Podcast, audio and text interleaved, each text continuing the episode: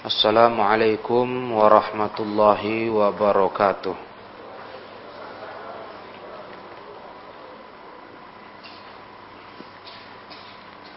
Innal hamdalillah nahmaduhu wa nasta'inuhu wa nastaghfiruh.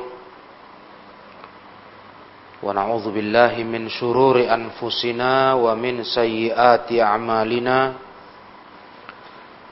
من يهده الله فلا مضل له ومن يضلل فلا هادي له أشهد أن لا إله إلا الله وحده لا شريك له وأشهد أن محمدا عبده ورسوله يا أيها الذين آمنوا اتقوا الله حق تقاته ولا تموتن إلا وأنتم مسلمون Ya ayuhan nasu taqu rabbakumul ladzi khalaqakum min nafsin wahidah wa khalaqa minha zawjaha wa batta minhuma rijalan katsiran wa nisaa wattaqullaha alladzi tasaaluna bihi wal arham. Innallaha kana 'alaikum raqiba.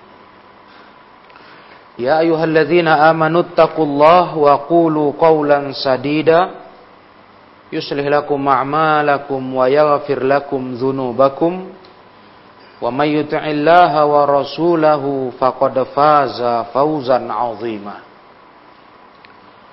فإن أصدق الحديث كتاب الله وخير الهدى هدى محمد صلى الله عليه وسلم وشر الأمور محدثاتها فإن كل محدثة بدعة وكل بدعة ضلالة وكل ضلالة في النار أما بعد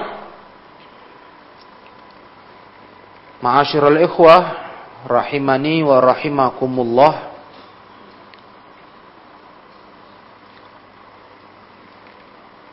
Malam ini kita lanjutkan tafsir surah At-Taubah memasuki ayat 122.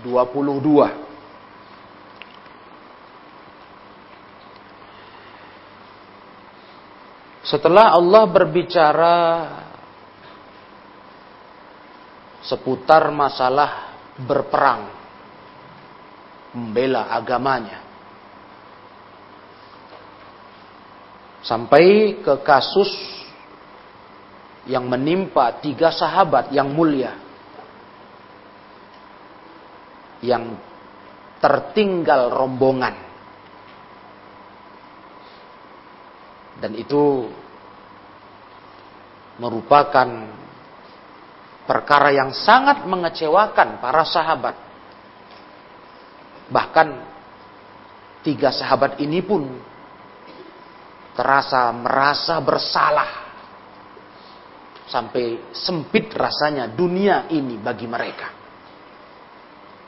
Hingga turunlah ayat yang membebaskan mereka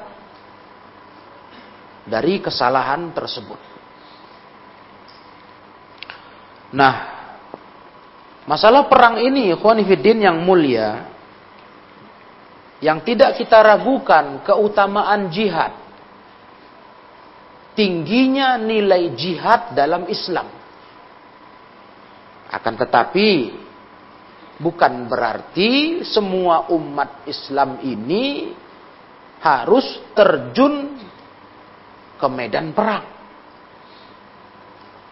Melainkan Allah tuntunkan dalam ayat 122 yang akan kita baca hendaknya ada sebagian dari kaum muslimin yang tinggal tidak berangkat perang untuk belajar agama. Nah, bisa para ikhwah bayangkan, jihad yang begitu tinggi nilainya dalam Islam, itu pun kata Allah, sepantasnya lah ada yang tinggal, nggak semua pergi. Nah, ini menunjukkan tingginya derajat belajar agama. Coba kita baca ayat ini para ikhwah, biar semakin jelas. Agar kita semakin memahami nilai majelis ilmu. Tidak kita anggap majelis ilmu itu biasa saja. Hanya sebuah perkumpulan orang yang duduk belajar agama. Hanya sekedar kegiatan rutinitas biasa tidak, ikhwanifiddin yang mulia. Setelah antum belajar ayat ini, berubahlah cara memandang dan menilai majelis ilmu. Majelis tempat kita belajar agama. Allah berfirman, "Wa ma kana wa ma kana al-mu'minuna liyamfiru kafah." Falaula nafara min kulli firqatin minhum ta'ifatul liyatafaqahu fid din. Waliyunziru qaumahum idza raja'u ilaihim la'allahum yahzarun. Kata Allah, tidak sepantasnya orang-orang beriman itu Semuanya pergi ke medan perang. Tidak pantas begitu. Padahal perang di jalan Allah ini suatu amalan besar. Tapi tak pantas semua orang beriman berangkat perang. Mengapa kata Allah sebagian dari setiap golongan di antara mereka tidak pergi untuk memperdalam ilmu agama. Kenapa nggak ada? Dari setiap kelompok-kelompok kaum muslimin, kabilah-kabilah yang mau perang itu, ada orang dipilihkan belajar agama. Nah, tuh lihat para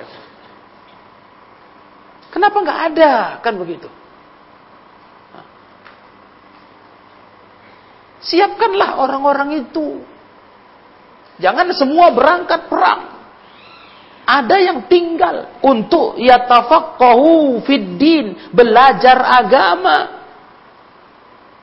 Gunanya agar mereka nanti memberi peringatan kepada kaumnya di saat mereka pulang kembali ke kampungnya. Supaya ada yang memberikan nasihat agama. Menegur, membimbing. Masya Allah. Lihatlah para ikhwah yang dimuliakan Allah. Besarnya nilai tafakuh fiddin, belajar agama. Supaya tetap ada orang yang menegakkan nasihat. Iya, menegakkan nasihat. Al-indar, liyunziru qaumahum idza raja'u ilaihim la'allahum yahzarun supaya kaum itu dapat menjaga diri mereka tetap dalam kontrol agama maka harus ada juru-juru penasehat yang belajar agama jadi pulang perang mereka tak lepas dari kontrol agama. Itu ikhwanifiddin rahimakumullah. Mulianya belajar agama. Istimewanya belajar agama. Tafakuh fiddin. Asyik Sa'di menafsirkan ayat ini Kata beliau, yaqulu ta'ala munabbihan li'ibadihil mu'minina ala ma yanbaghi lahum. Di sini Allah Ta'ala berkata dalam rangka memberikan peringatan kepada orang-orang yang beriman dari para hambanya. Apa yang sepantasnya mereka lakukan. Allah kasih peringatan. Kata Allah, "Wa ma kana al-mu'minuna liyamfiru kafa ay jami'an liqitalil adu liqitali aduwihim." Ya, tak pantas Tak seharusnya orang-orang beriman itu semuanya berangkat perang untuk memerangi musuh-musuh mereka. Gak pantas begitu. Walaupun jihad itu sangat utama. Gak pantas begitu. Habis semua. Tiap kabilah, tiap kelompok memberangkatkan para pemuda laki-laki untuk perang. Nggak pantas begitu kata Allah. Ya. Fa yahsul alaihimul masyaqqah bidzalik karena dengan itu akan terjadilah masyaqqah. Nanti muncul kesulitan bagi mereka jika begitu caranya. Nanti timbul masalah nanti kalau semua berangkat. Nggak ada yang mendalami agama. Watafutu bihi katsirum minal masalihil ukhra. Nanti akan luput terlewatkan banyak kebaikan maslahat-maslahat yang lain kalau semua fokus berangkat perang. Ini diatur dalam Islam, ma'asyiral ikhwah rahimakumullah. Maka falaula nafara min kulli firqatin minhum ay minal buldan wal qabail wal afkhaz ta'ifatun Kenapa tidak ada sekelompok daripada setiap kelompok-kelompok itu baik dari negeri-negeri, dari kabilah, dari perorangan, ya komunitas. Kenapa tidak ada satu kelompok disiapkan tahsul bihal kifayah wal maksud lakana aula. Ya. Kenapa tidak ada satu kelompok yang bisa mencapai tujuan nah, belajar agama? yang itu lebih pantas untuk dilakukan. Bukan semua dikerahkan berjihad. Tidak. Karena belajar agama ini sangat penting para ikhwah rahimakumullah. Belajar Islam tafakuh fid dini sangat penting sekali. Mestinya disiapkan generasi itu. Istilah kita ada perwakilan yang memang diperuntukkan belajar agama, dalami Islam. Yang lain berangkat perang. Subhanallah. Nah ini inilah salah satu ayat yang dipakai ulama untuk menunjukkan istimewanya belajar agama. Ya, salah satu ayat, ma'asyiral ikhwah rahimakumullah. Besarnya keutamaan tafakuh fid din, belajar agama. Luar biasa. Sampai-sampai urusan jihad pun tak pantas untuk semua keluar berperang membela agama Allah. Mesti ada generasi yang mewakili tiap kabilah, tiap daerah, tiap komunitas belajar agama. Harus ada. Begitulah Allah ingatkan mereka orang-orang beriman. Summa nabbaha ala anna fi iqamatil muqimina minhum wa adami khurujihim masalihu law kharaju lafatathum. Kemudian Allah ingatkan bahwasanya dengan iqamatil muqimin menegakkan orang yang mukim di antara mereka umat Islam ada yang mukim tinggal belajar agama tidak keluar tidak ikut perang itu ada maslahat-maslahat yang besar. Yang mana kalau sampai semuanya keluar, nanti maslahat-maslahat yang besar itu terlewatkan, luput, fatathum. Luput nanti, nggak dapat. Nah ini nggak baik untuk generasi umat Islam. Ya, jangan sampai kayak begitu. Udah semua pergi berangkat, berangkat, berangkat saja. Gak usah peduli urusan belajar agama. Gak begitu. Nah, ini menegur keras cara fikir banyak hari ini kelompok-kelompok pergerakan harokah-harokah Islam yang cenderung berpikir mengembalikan izzul Islam wal muslimin kemuliaan Islam dan umat Islam semata-mata hanya dengan angkat senjata taklukkan kaum kafir. Nah, ini mereka harusnya berlihat, berkaca, baca lagi. Surah At-Taubah ini baca ayat 122. Suruh baca lagi ma'asyirul ikhwah rahimakumullah. Kita tidak pungkiri jihad itu salah satu jalan untuk menaikkan, mengangkat kemuliaan Islam dan umat Islam, tapi bukan hanya dengan itu. Melainkan dengan tafakuh fiddin. Lagi pula bagaimana jihad mau tegak dengan ilmu? Jihad mau tegak dengan cara yang benar. Kalau pelaku-pelakunya, pejuang-pejuangnya nggak kenal ilmu, Makanya ketika saya katakan dalam beberapa taklim kita, kalau belum masanya jihad ditegakkan dengan senjata, jangan paksa. Jalanilah persiapan untuk itu dengan belajar ilmu tafakuh. Kenapa sibuk kali mau dipaksakan jihad tegak, jihad tegak? Yang berujung kepada tindakan-tindakan yang tak terpuji. Yang berisikan kezoliman kepada sesama umat Islam bahkan kepada sesama manusia. Karena yang nggak pantas diperangi, diperangi. Kenapa nggak sibukkan diri kalian tafakuh fiddin? Belajar agama. Karena sedangkan musim jihad sudah tiba, tetap harus ada yang belajar agama. Apalagi musim jihadnya belum ada, belum tiba. Belum ada para ikhwah. Belum saatnya. Kok malah diabaikan taklim, tafakuh fiddin dikecilkan, disepelekan. Allah. Nah, ini ini tamparan keras kepada orang-orang pergerakan harokah-harokah Islam yang ada hari ini. Nah, lihatlah keutamaan majelis ilmu, keutamaan belajar ilmu begitu besar di sisi Allah.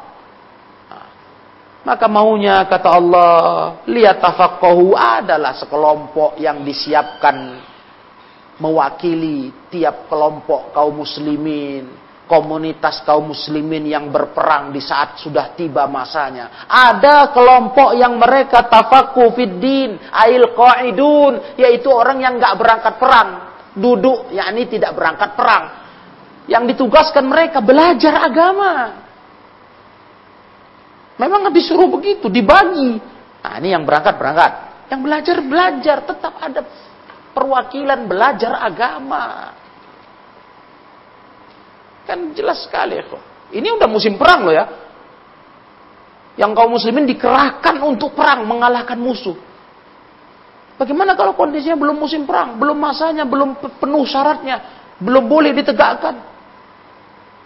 Tentunya kita lebih fokus lagi kepada tafakuh ini, belajar agama.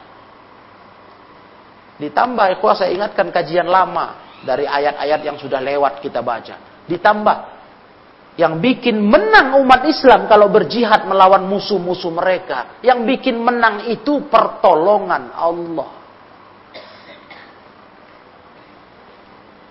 Bukan mengandalkan kekuatan senjata, fisik, pasukan. Pertolongan Allah. Dan Allah tak akan tolong para pejuang-pejuang mujahidin kalau mereka bergelimang maksiat dalam kehidupan. Dan itu yang diingatkan Umar ibn al-Khattab kepada para panglima perangnya, kepada para pasukan yang dikirimnya. Diingatkan Umar ibn al-Khattab untuk mereka meninggalkan dosa. Ingat, kita meraih kemenangan dalam tiap perang ini karena ditolong Allah. Jangan sampai Allah tak tolong kalian karena kalian buat dosa. Apa mau diharapkan para ikhwah? Dari para pejuang-pejuang muslim. Mujahidin kita katakan. Yang siap perang, siap tempur membela agama Allah. Apa mau diharapkan kemenangan dari mereka? Kalau ternyata Allah tak tolong karena mereka bergelimang dosa. Sebabnya apa? Nggak kerti hukum agama. Nggak paham. Nah, jelas sesuatu cara pikir dakwah ini. Makanya majelis ilmu ini nggak boleh mati, nggak boleh mati. Hidup terus harus karena ini sekarang modal kita untuk membuat perbaikan. Ya. Karena kita tahu jihad itu kan sudah jelas aturannya lengkap. Bukan asal-asal ngusung senjata, itu bukan jihad namanya. Asal-asal buat pembunuhan, itu bukan jihad namanya. Buat kerusuhan, memerangi manusia, bukan jihad itu. Itu perbuatan yang tidak dituntunkan Rasulullah SAW. Karena jihad punya aturan. Makanya kita fokus kepada tafakkuh. Kalau orang sibuk tanya, apa andil kalian merubah kondisi kita hari ini? Merubah kemunduran umat Islam, keruntuhan Islam, merubah kerusakan di alam semesta ini. Apa andil kalian? Nah, andil kami adalah belajar agama. Tafakuh fiddin. Untuk membentuk generasi Islam yang takut dosa. Membentuk diri yang takut dosa. Karena pribadi-pribadi seperti inilah yang dikader Nabi SAW. Baru kemudian Nabi ajak mereka berperang di jalan Allah. Nah, sehingga walaupun jumlahnya sedikit. Kita semua masih hafal.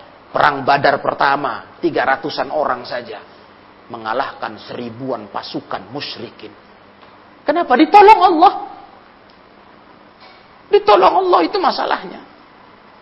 Yang dikirimkan Allah malaikat seribu dari langit.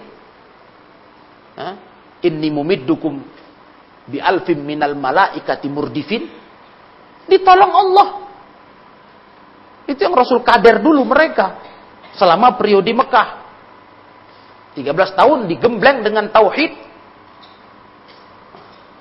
Sampai periode Madinah digembleng dengan ukhuwah.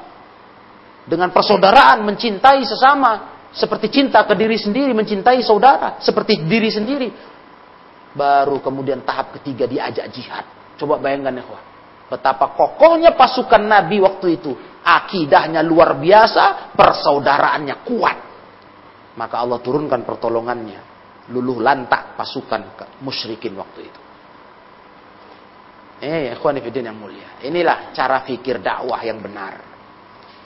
Nah, itu. Makanya kita dalam hidup ini yang realita sajalah yang nyata-nyata. Belajar itu yang sekarang gampang. Itu yang kita berusaha jangan sempat kita termasuk orang yang menjauh daripada belajar agama. Itu yang nyata. Langkah yang paling betul sekarang, yang paling tepat yang dibuat umat Islam itu belajar. Belajar hukum, amalkan. Iya. Gak perlu pula sibuk kali buat-buat rapat rahasia, tanzim-tanzim rahasia. Itu itu hizbiyah. Bagaimana persiapan langkah-langkah, terobosan-terobosan buat rapat tertutup. Nah, ini gaya hizbiyah, hati-hati. Atau kalau kita mau lebih keras lagi, ini banyak cakap ini. Banyak gaya, banyak serencana. Nah, kesannya macam hebat kali mikirkan agama dengan tanzim-tanzim rahasia ini, rapat-rapat rahasia. Macamnya mereka peduli betul sama Islam. Nah, itu banyak cerita itu. Yang realita nyata tuh belajar berubah diri. Jadi orang bertakwa. Itu yang betul. Ya, itu betul. Nah, coba sibukkan diri kita dengan ilmu dan amal. Nah, terus kontrol diri tiap hari berpikir, udah berubah saya belum, udah lebih baik belum? Gitu. Itu yang langkah yang betul, nggak banyak cakap, banyak gaya. Demi Allah, kok. Dakwah ini adalah dakwah yang selalu difitnah, direndahkan, dilecehkan karena katanya sibuk dengan majelis ilmu tok. Kecil bagi mereka majelis ilmu ini nilainya. Padahal Allah begitu memuliakan majelis ilmu. Tafakuh fiddin. Belajar agama. Para ikhwah yang dirahmati Allah. Kemudian liyatafaqahu fid din wal yunziru qaumahum idza raja'u ilaihim ay liyata'allamul ilma syar'i. Nah, tafaqquh itu artinya belajar ilmu syar'i kata Syekh. Belajar ilmu syar'i. Wa ya'lamu ma'ani mengenal makna-maknanya, wa yafqahu asrarahu, mengenal, memahami rahasia-rahasia dalam ilmu syariat ini, wali wa'allimu ghairahum. Kemudian habis belajar, habis mengenal, udah berilmu, ajari yang lain. Berkesinambungan. Ajari yang lainnya. Waliyunziru kaumahum idza raja'u ilaihim dan mereka bisa memberikan nasihat kepada kaumnya ketika mereka pulang nantinya. Begitu. Itu mau Allah untuk tegaknya agama ini. Harus ada yang belajar agama terus, mendalami agama terus. Hah? Udah berilmu dia mengajarkan ilmu itu. Ini dia. Inilah pola dakwah Rasulullah dan para sahabatnya. Begitu. Menyebar ilmu. Kan itu Rasulullah SAW. Ilmu kitab, ilmu sunnah. Rasul ajarkan ke manusia. Dan manusia yang sudah Rasul ajarkan, Rasul utus. Seperti mengutus sahabat ke negeri Yaman. Ngajarin mereka agama. Jangan sepelekan ya pola dakwah dengan cara belajar Islam ini. Majelis ilmu, merutinkannya. Jangan kecilkan ini. Inilah jalan dakwahnya Nabi Nabi Muhammad SAW. Adu ilallah ala basiratin. Aku itu berdakwah ke jalan Allah kata kata Rasulullah dan itu Allah abadikan di Quran. Aku berdakwah di jalan Allah itu di atas ilmu Bukan asal semangat saja, hamas. Semangat. Bukan, tapi pakai ilmu. Dan itu nggak dicapai tanpa belajar. Nah, emang kalau sekilas dipikir dengan cara pola pikir pergerakan-pergerakan kelompok Islam sekarang, ini pola kita ini monoton. Kan monoton. Gitu-gitu aja kan nggak seru. Ini kita ceritanya apa ini sekarang? Mau apa? Hidup ini mau apa? Hah? Kalau kita sedang buat buat sandiwara, ya, sedang buat drama, ya betul lah.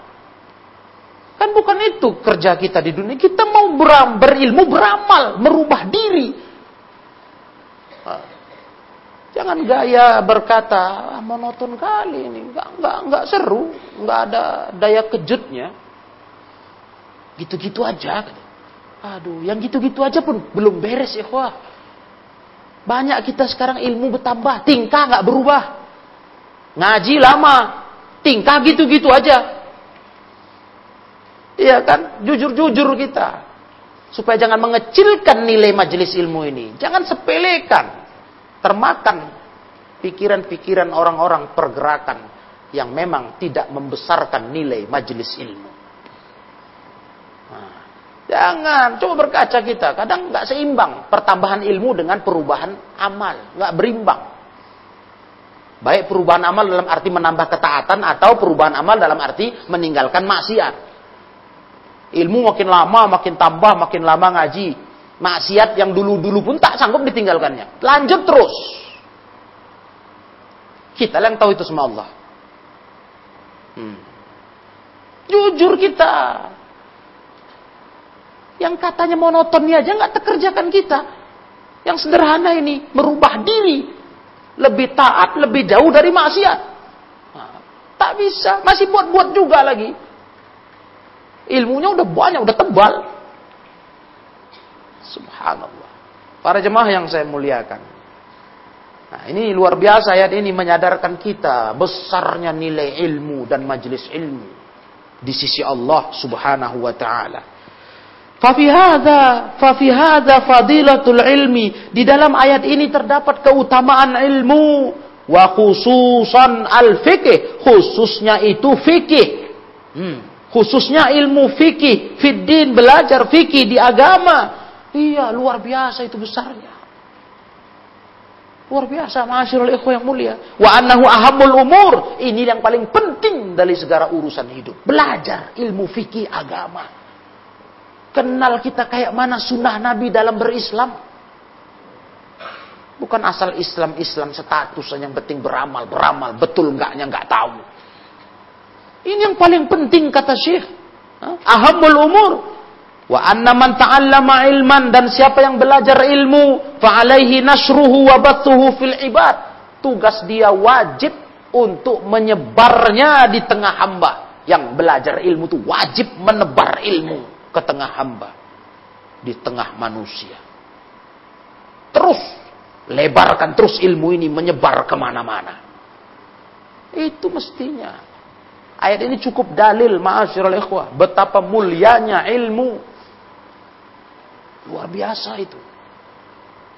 Bahkan ada ancaman kan. Orang yang punya ilmu tapi nggak menyampaikannya nanti Allah belenggu dia dengan belenggu dari api neraka. Diikat di akhirat. Nah, ini yang ditakutkan musuh-musuh Islam. Para musuh-musuh Islam. Ya.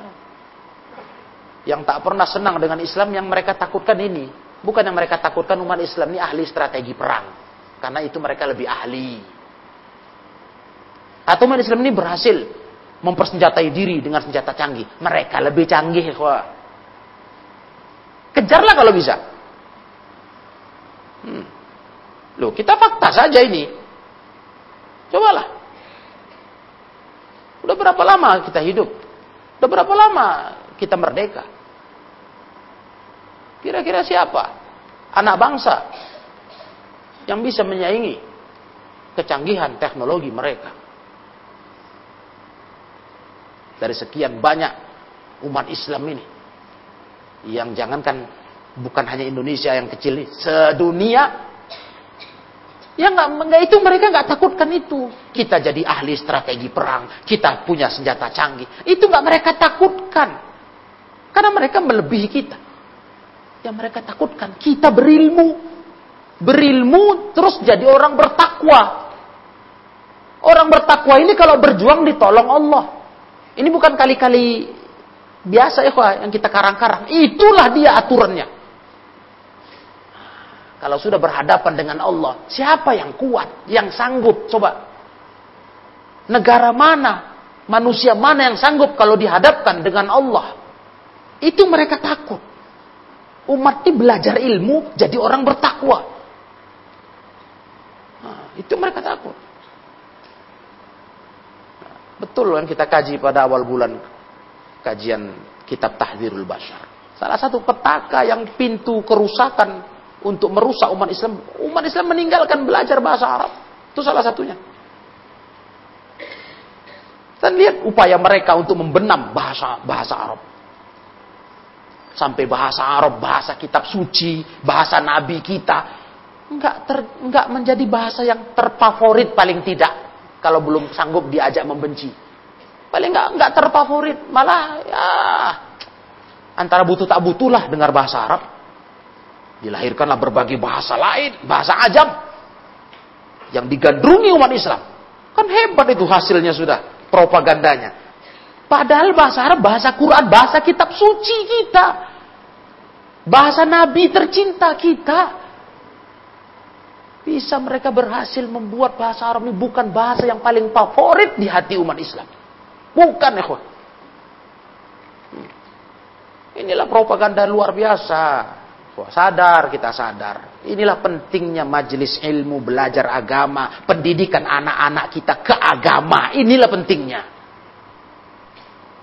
Nah, jangan disepelekan lagi ma'asyirul ikhwah yang saya muliakan. Cukup ini nasihat untuk kita bersama dalam mengagungkan ilmu. Kemudian kata beliau berikutnya, fa wanus wa nasihatuhum fihi fa inna ilmi 'anil 'alim min barakatihi wa ajrihi alladhi yanma lahu. Begitu pula menasihati masyarakat. Kalau yang belajar ilmu itu nasihati umat ini. Karena kalau sudah tersebar ilmu dari orang alim, orang berilmu sudah tersebar, maka berkahnya, pahalanya akan tumbuh terus di tengah umat. Baik bagi pengajar ilmu. Kita sudah sama tahu. Nabi bahkan menjaminkan khairukum man ta'allamal Qur'ana wa 'allamah. Ada yang ragu dengan hadis ini? Orang paling baik kalian yang belajar Quran dan ngajar Quran. Hmm. Itu Nabi yang bilang. Yang paling baik di tengah kalian siapa yang belajar Quran dan ngajarkannya. Bayangkan ya, kuah. Keberkahan akan merata kalau ilmu disebar. Pengajar ilmu akan mendapatkan pahala. Tumbuh terus pahalanya. Subhanallah.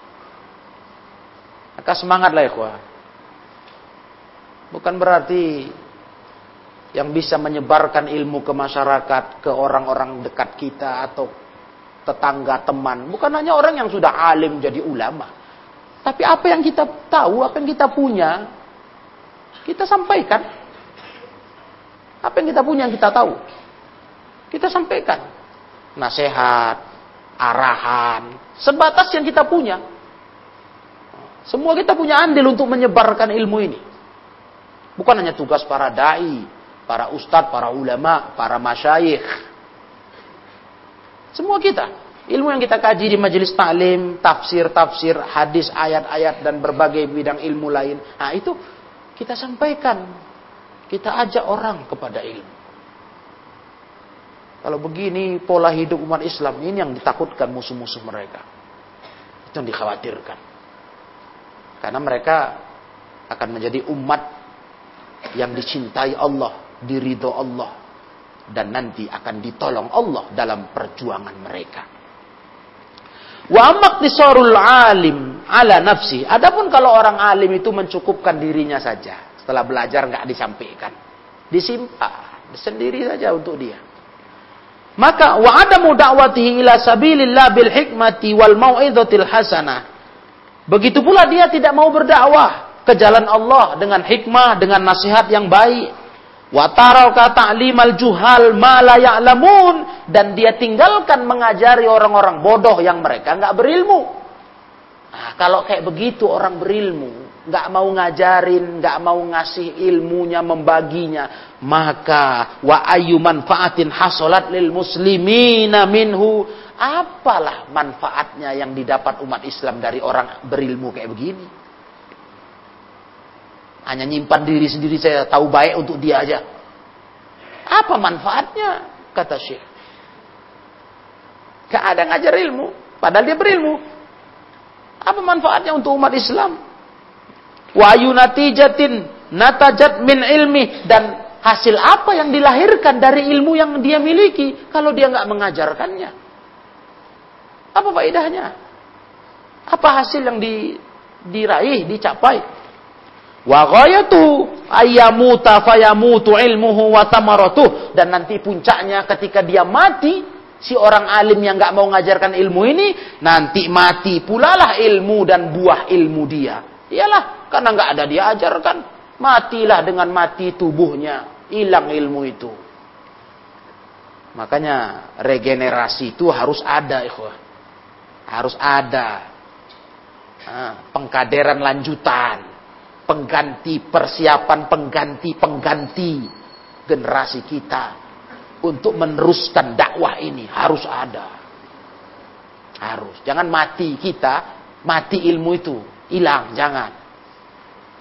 Tapi ada kelanjutannya, ada penerus-penerusnya. Itu. Masya Allah. Kalau enggak apa faedah ilmu, kata beliau. Hah? Kalau sudah terjadi orang alim mati, dia nggak nyebar ilmu, mati ilmunya, mati buah ilmunya, wahada ghayatul hirman liman atahu Allahu ilman wa manahahu fahman. Inilah puncak terhalangi dan kerugian atas dirinya. Karena apa? Karena orang yang diberi ilmu, dikasih pemahaman ilmu, tapi kalau nggak ngajarkan, maka akan sia-sialah semuanya. Makanya kita para ikhwah membangkitkan semangat kita untuk belajar ilmu dan menyebarnya. Balighu anni walau ayah kata Nabi. Sampaikan dariku walau sepotong ayat. Ya. Yang kita tahu aja kita sampaikan. Jangan melebihi kapasitas. Silahkan. Silahkan. Kita ingin ilmu agama ini tersebar. Sunnah ini tersebar. Di tengah makin terasing dia semangat kita. Asal orang mau dengar, orang mau belajar, kita kasih. Gitu ya. Karena itu amanah ilmu yang dimiliki oleh para pembawa ilmu. Dia punya amanah untuk menyampaikannya ke masyarakat. Iya. Semangat menghidupkan ilmu ini di masyarakat, di tengah umat. Semangat menyebarnya ke mana-mana. Urusan hidayah, urusan diterima tidaknya, itu urusan Allah. Kita nggak ada beban. Nggak ada beban. Kenapa orang yang kita dakwahi nggak terima, nggak berubah? Eh, itu urusan Allah itu. Yang ada beban kita apa? Kita punya ilmu, kok nggak kita sampaikan? Itu beban. Nah, tugas kita apa? Sampaikan ilmu. Terangkan ilmu agama ini.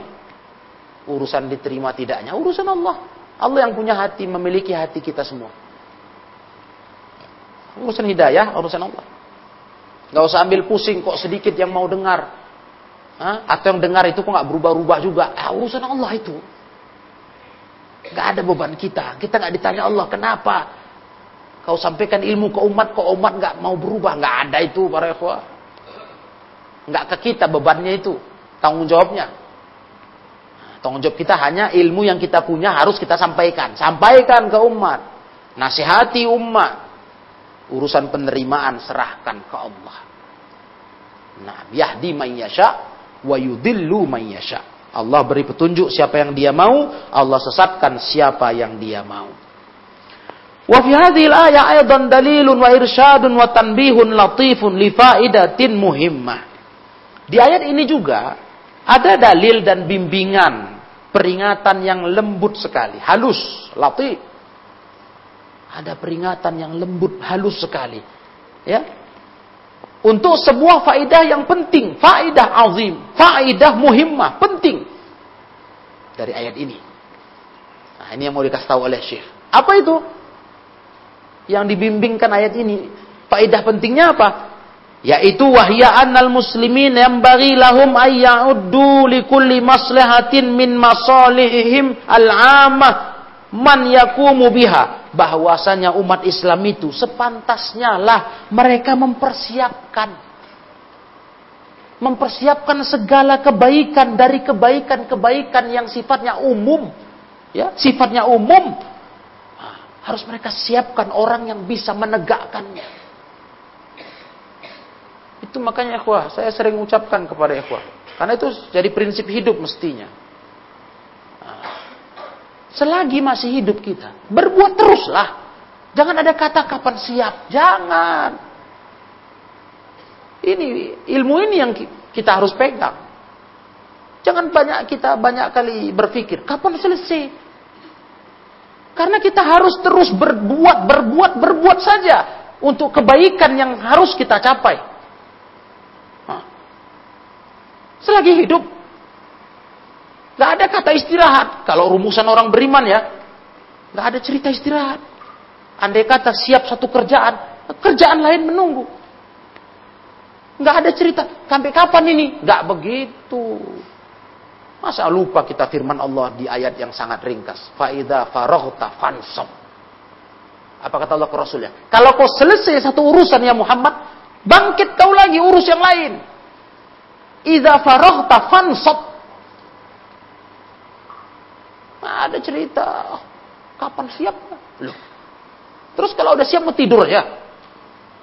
Andai kata siap satu kerjaan, terus mau tidur. Nggak ada bagi orang beriman, nggak ada itu para ikhwan mulia. Istilah orang beriman, kata ulama, rohatul mu'min al-maut. Istilah orang beriman itu mati. Kalau belum mati, jangan cerita istirahat untuk agama ya. Saya ajak ikhwah sama-sama satu prinsip kita. Kalau untuk agama ini, kalau belum mati jangan ada ngarap istirahat, itu nggak mental mukmin. Mental orang beriman tuh istirahat tuh mati, nanti aku istirahat. Saat mati baru aku istirahat. Kalau belum mati, memang hidup ini untuk berbuat, berbuat, mempersiapkan segala kebaikan-kebaikan. Apa yang bisa kubuat untuk kebaikan. Semangat terus. Begitulah mestinya. Ini dari bimbingan ulama ini. Ini yang kita yakini selama ini. Ini bimbingan ulama. Gak ada kata berpangku berpangku diri, berdiam diri, leha-leha, nyanti-nyanti. Biar aja badan capek, kenapa? Habis pun kenapa? Hancur pun kenapa kalau untuk agama? Memang dicipta Allah untuk itu kita beribadah. kenapa rupanya? Kita pakai terus badan ini sampai sampai habis. Kenapa rupanya? Karena waktu istirahat kita udah jelas, kita udah siap, udah ada semua jadwalnya, mati. Nah, baru istirahat kita. Menikmati hasil lagi. Nah, begitulah rumusan hidup coba ikhwan. Ya, nggak ada kata putus mau berbuat untuk agama. Apa bisa kita buat? Kita buat. Ada kita punya ilmu, kita sampaikan. Punya tenaga, kita salurkan. Terus begitu aja jalani hidup. Nggak lama pun ini. Wah. Demi Allah nggak lama, karena umur kita semua pendek. Sepanjang-panjang umur manusia itu sangat pendek sebenarnya, apalagi memang yang umurnya pula pendek. Andai kata dia lebih panjang dari rata-rata, itu pun masih pendek. Ya, ringkas sekali ya, andai kata ada yang 100 tahun baru mati. Ringkas lah itu masih. Nah, dibanding umur dunia ini. Ada pula yang lebih mati muda. Nah, coba. Artinya kalaupun kita merasa letih, merasa aduh penat, nggak lama. Maka jangan buang-buang waktu, ikhwah. Terus manfaatkan kesempatan umur kita untuk berbuat kebaikan. Maslahat yang bisa kita buat apa? Saya bisa buat apa untuk kebaikan? Coba program begitulah. Nah, iya. Terus aktifkan semangat kita, diri kita ini. Hidupkan. Begitu mestinya. Ini nasihat dari Syekh As-Sa'di. Siapkan harusnya begitu umat Islam ini kata beliau. Nah, harusnya Wa yuwaffir waqtahu 'alaiha, dia kerahkan waktunya untuk itu, untuk yang kebaikan-kebaikan tadi. Lihat nasihat beliau. Dia kerahkan wa yastahid fiha, sungguh-sungguh. Jangan tanggung-tanggung, sungguh-sungguh. Totalitas. Sebisa kita, sehabis mampu kita. Hmm. Nggak apa-apa, ya, capek nggak apa-apa, penat nggak apa-apa. Ada jadwal istirahat, sabar. Ada. Dan itu nggak lama. Karena umur kita pun nggak lama-lamanya. Nanti tiba masanya kita mati. Makanya orang beriman mati itu, kata Rasulullah, dia istirahat dari keburukan dunia. Itu kalau orang beriman mati. Istirahat dia dari keburukan dunia. Tapi kalau orang pendosa mati, dunia istirahat dari dia. Iya. Maka orang beriman mati. Para eko yang mulia. Allah sayang sama dia. Dia diistirahatkan. Sudah habis masanya. Dari kerusakan dunia ini yang dia rasa.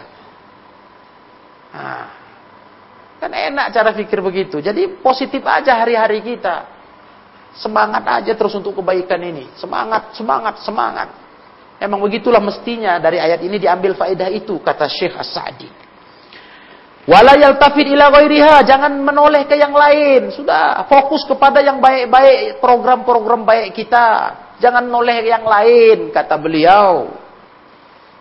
Litakumu masolihuhum wa tatimmu manafi'uhum. Supaya apa? Supaya tegak maslahat mereka, supaya sempurna manfaat mereka. Walitakunu wijhatu jami'ihim wa nihayatu ma yaksuduna qasdan wahida.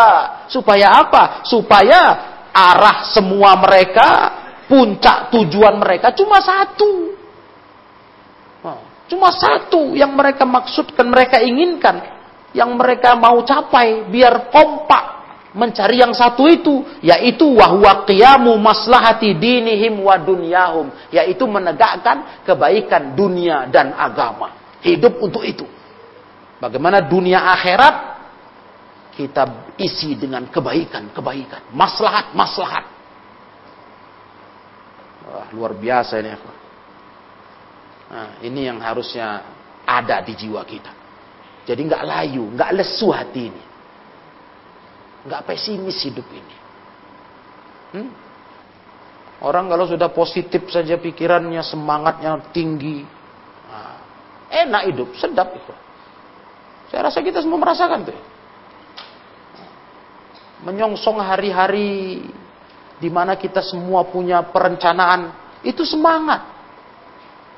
Kerjaan yang belum siap mau kita kerjakan dalam hidup ini dari kebaikan, kita semangat. Enak rasanya, ada makna menunggu hari-hari. Kan begitu? Coba kau rasakan, kan banyak sudah sudah kita kita lewati dengan umur kita ini. Udah banyak pengalaman. Beda kali. Ah. Nah, ini Penting kali ini. Nah, apa istilah orang sekarang yang paling dibutuhkan? Naik imun ya. Nah, iya, naik imun tubuh. Nah, jadi daya daya tahan dari penyakit itu meningkat. Nah, bandal badan kita karena imun kita naik. Pikiran positif, pikiran penuh semangat. Nah, virus nggak mampu goyang kita. Kan begitu. Itu harapannya secara kesehatan. Enak, subhanallah, enak hidup seperti itu. Maka jangan noleh sana sini, bingung-bingung tahap apa-apa nggak karu-karuan. Nah, fokuskan untuk maslahat kita, maslahat agama kita, dunia akhirat kita, kata beliau. Nah, Walau tafarraqatit turuk wa ta'addudil masyarib fala'malu mutabayina. Walaupun banyak jalannya, banyak betul, macam-macam polanya, nggak masalah, nggak masalah itu semua. Amalan itu memang mutabayina, beda-beda. Ya, aktivitas beda-beda. Yang penting wal qasdu wahid, tujuan satu. Fokuskan satu tujuan kita. Nah, adapun beragam macam kegiatan, yang kita sibukkan diri dengan kebaikan-kebaikan, tidak apa-apa. Bukan harus harus apa istilahnya jamai, kompak, nggak mesti. Nggak mesti lah tiap aktivitas mesti begitu. Kadang bisa lah, ada yang sifatnya kita rame-rame. Ada yang individu. Nah, pokoknya urusan yang positif-positif aja lah. Hidup ini, ini yang di, di, diajarkan oleh ayat ini kata Syekh. Faidahnya ini. Penting kali ini. Mestinya umat Islam itu begitulah hidupnya. Isi terus waktu dengan segala yang kebaikan-kebaikan, segala yang menguntungkan dunia akhirat. Isi terus. Jangan layu, jangan loyo, jangan lesu. Gairahkan diri untuk kebaikan. Itu bahasanya. Gairahkan diri untuk kebaikan. Semangatkan hidup ini, ma'asyirul ikhwan. Wahadihi minal hikmatil amah an-nafi'ah fi jami'il umur. Inilah hikmah yang umum yang bermanfaat untuk seluruh urusan kehidupan.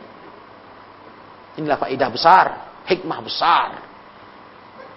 Kalaulah mampu kita para ikhwan menjaga ini dalam kehidupan luar biasa. Tadi saya katakan indah kali hari-hari kita jalani. Terasa kali. Dibanding kalau kita nggak punya program, nggak punya perencanaan, nggak punya kegiatan, nggak enak. Nggak ada semangat kita menyongsong hari dari pagi, dari malam menuju pagi, pagi ke malam. Nggak enak. Tapi begitu kita punya kegiatan, aktivitas yang positif, yang baik, maslahat, masya Allah, semangat, senang, gairah betul. Begitulah kaum muslimin yang dirahmati Allah tabaraka wa taala. Nah, inilah satu ayat 122 dalam kajian kita di tafsir surah At-Taubah. Ya. Yang mana mudah-mudahan di diri kita kembali bangkit semangat belajar agama, tafakuh fiddin. Apalagi kita semua tahu majelis ilmu ini dinamakan Rasul dalam hadis sahih apa? Raudhatun min riyadil jannah.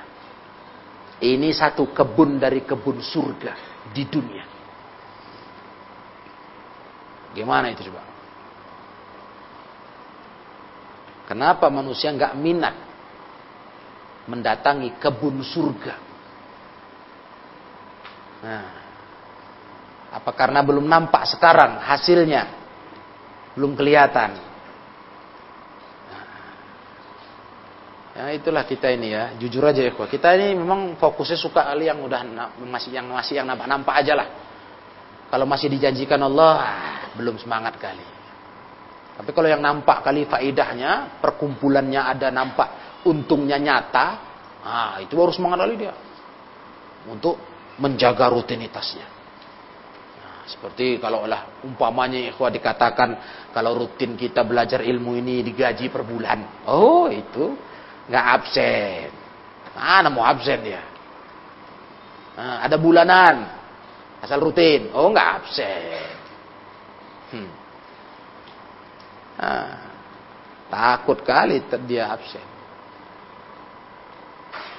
Atau ada perkumpulan di situ dikatakan kalau datang nah, sesuai jamnya dapat pembagian bansos Nggak absen. Belum jamnya udah hadir dia.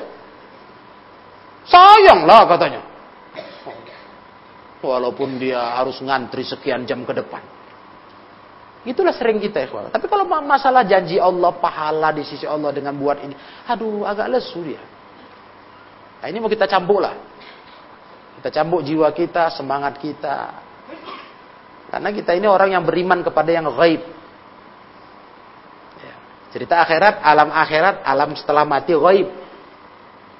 Tak nampak sekarang, tak nyata sekarang. Tapi betul ada itu. Bukan cerita fiktif. Itu nyata. Itulah orang beriman yu'minu nabil ghaibi. Beriman sama yang ghaib. Ya, demikian ikhwah. Kita cukupkan satu ayat ini. Insya Allah bermanfaat dan membangkitkan semangat kita untuk lebih e, bergairah dalam mengamalkan kebaikan-kebaikan terkhusus dalam mempelajari ilmu agama. Wallahu alam bissawab. Wa akhiru anil hamdulillahi rabbil alamin.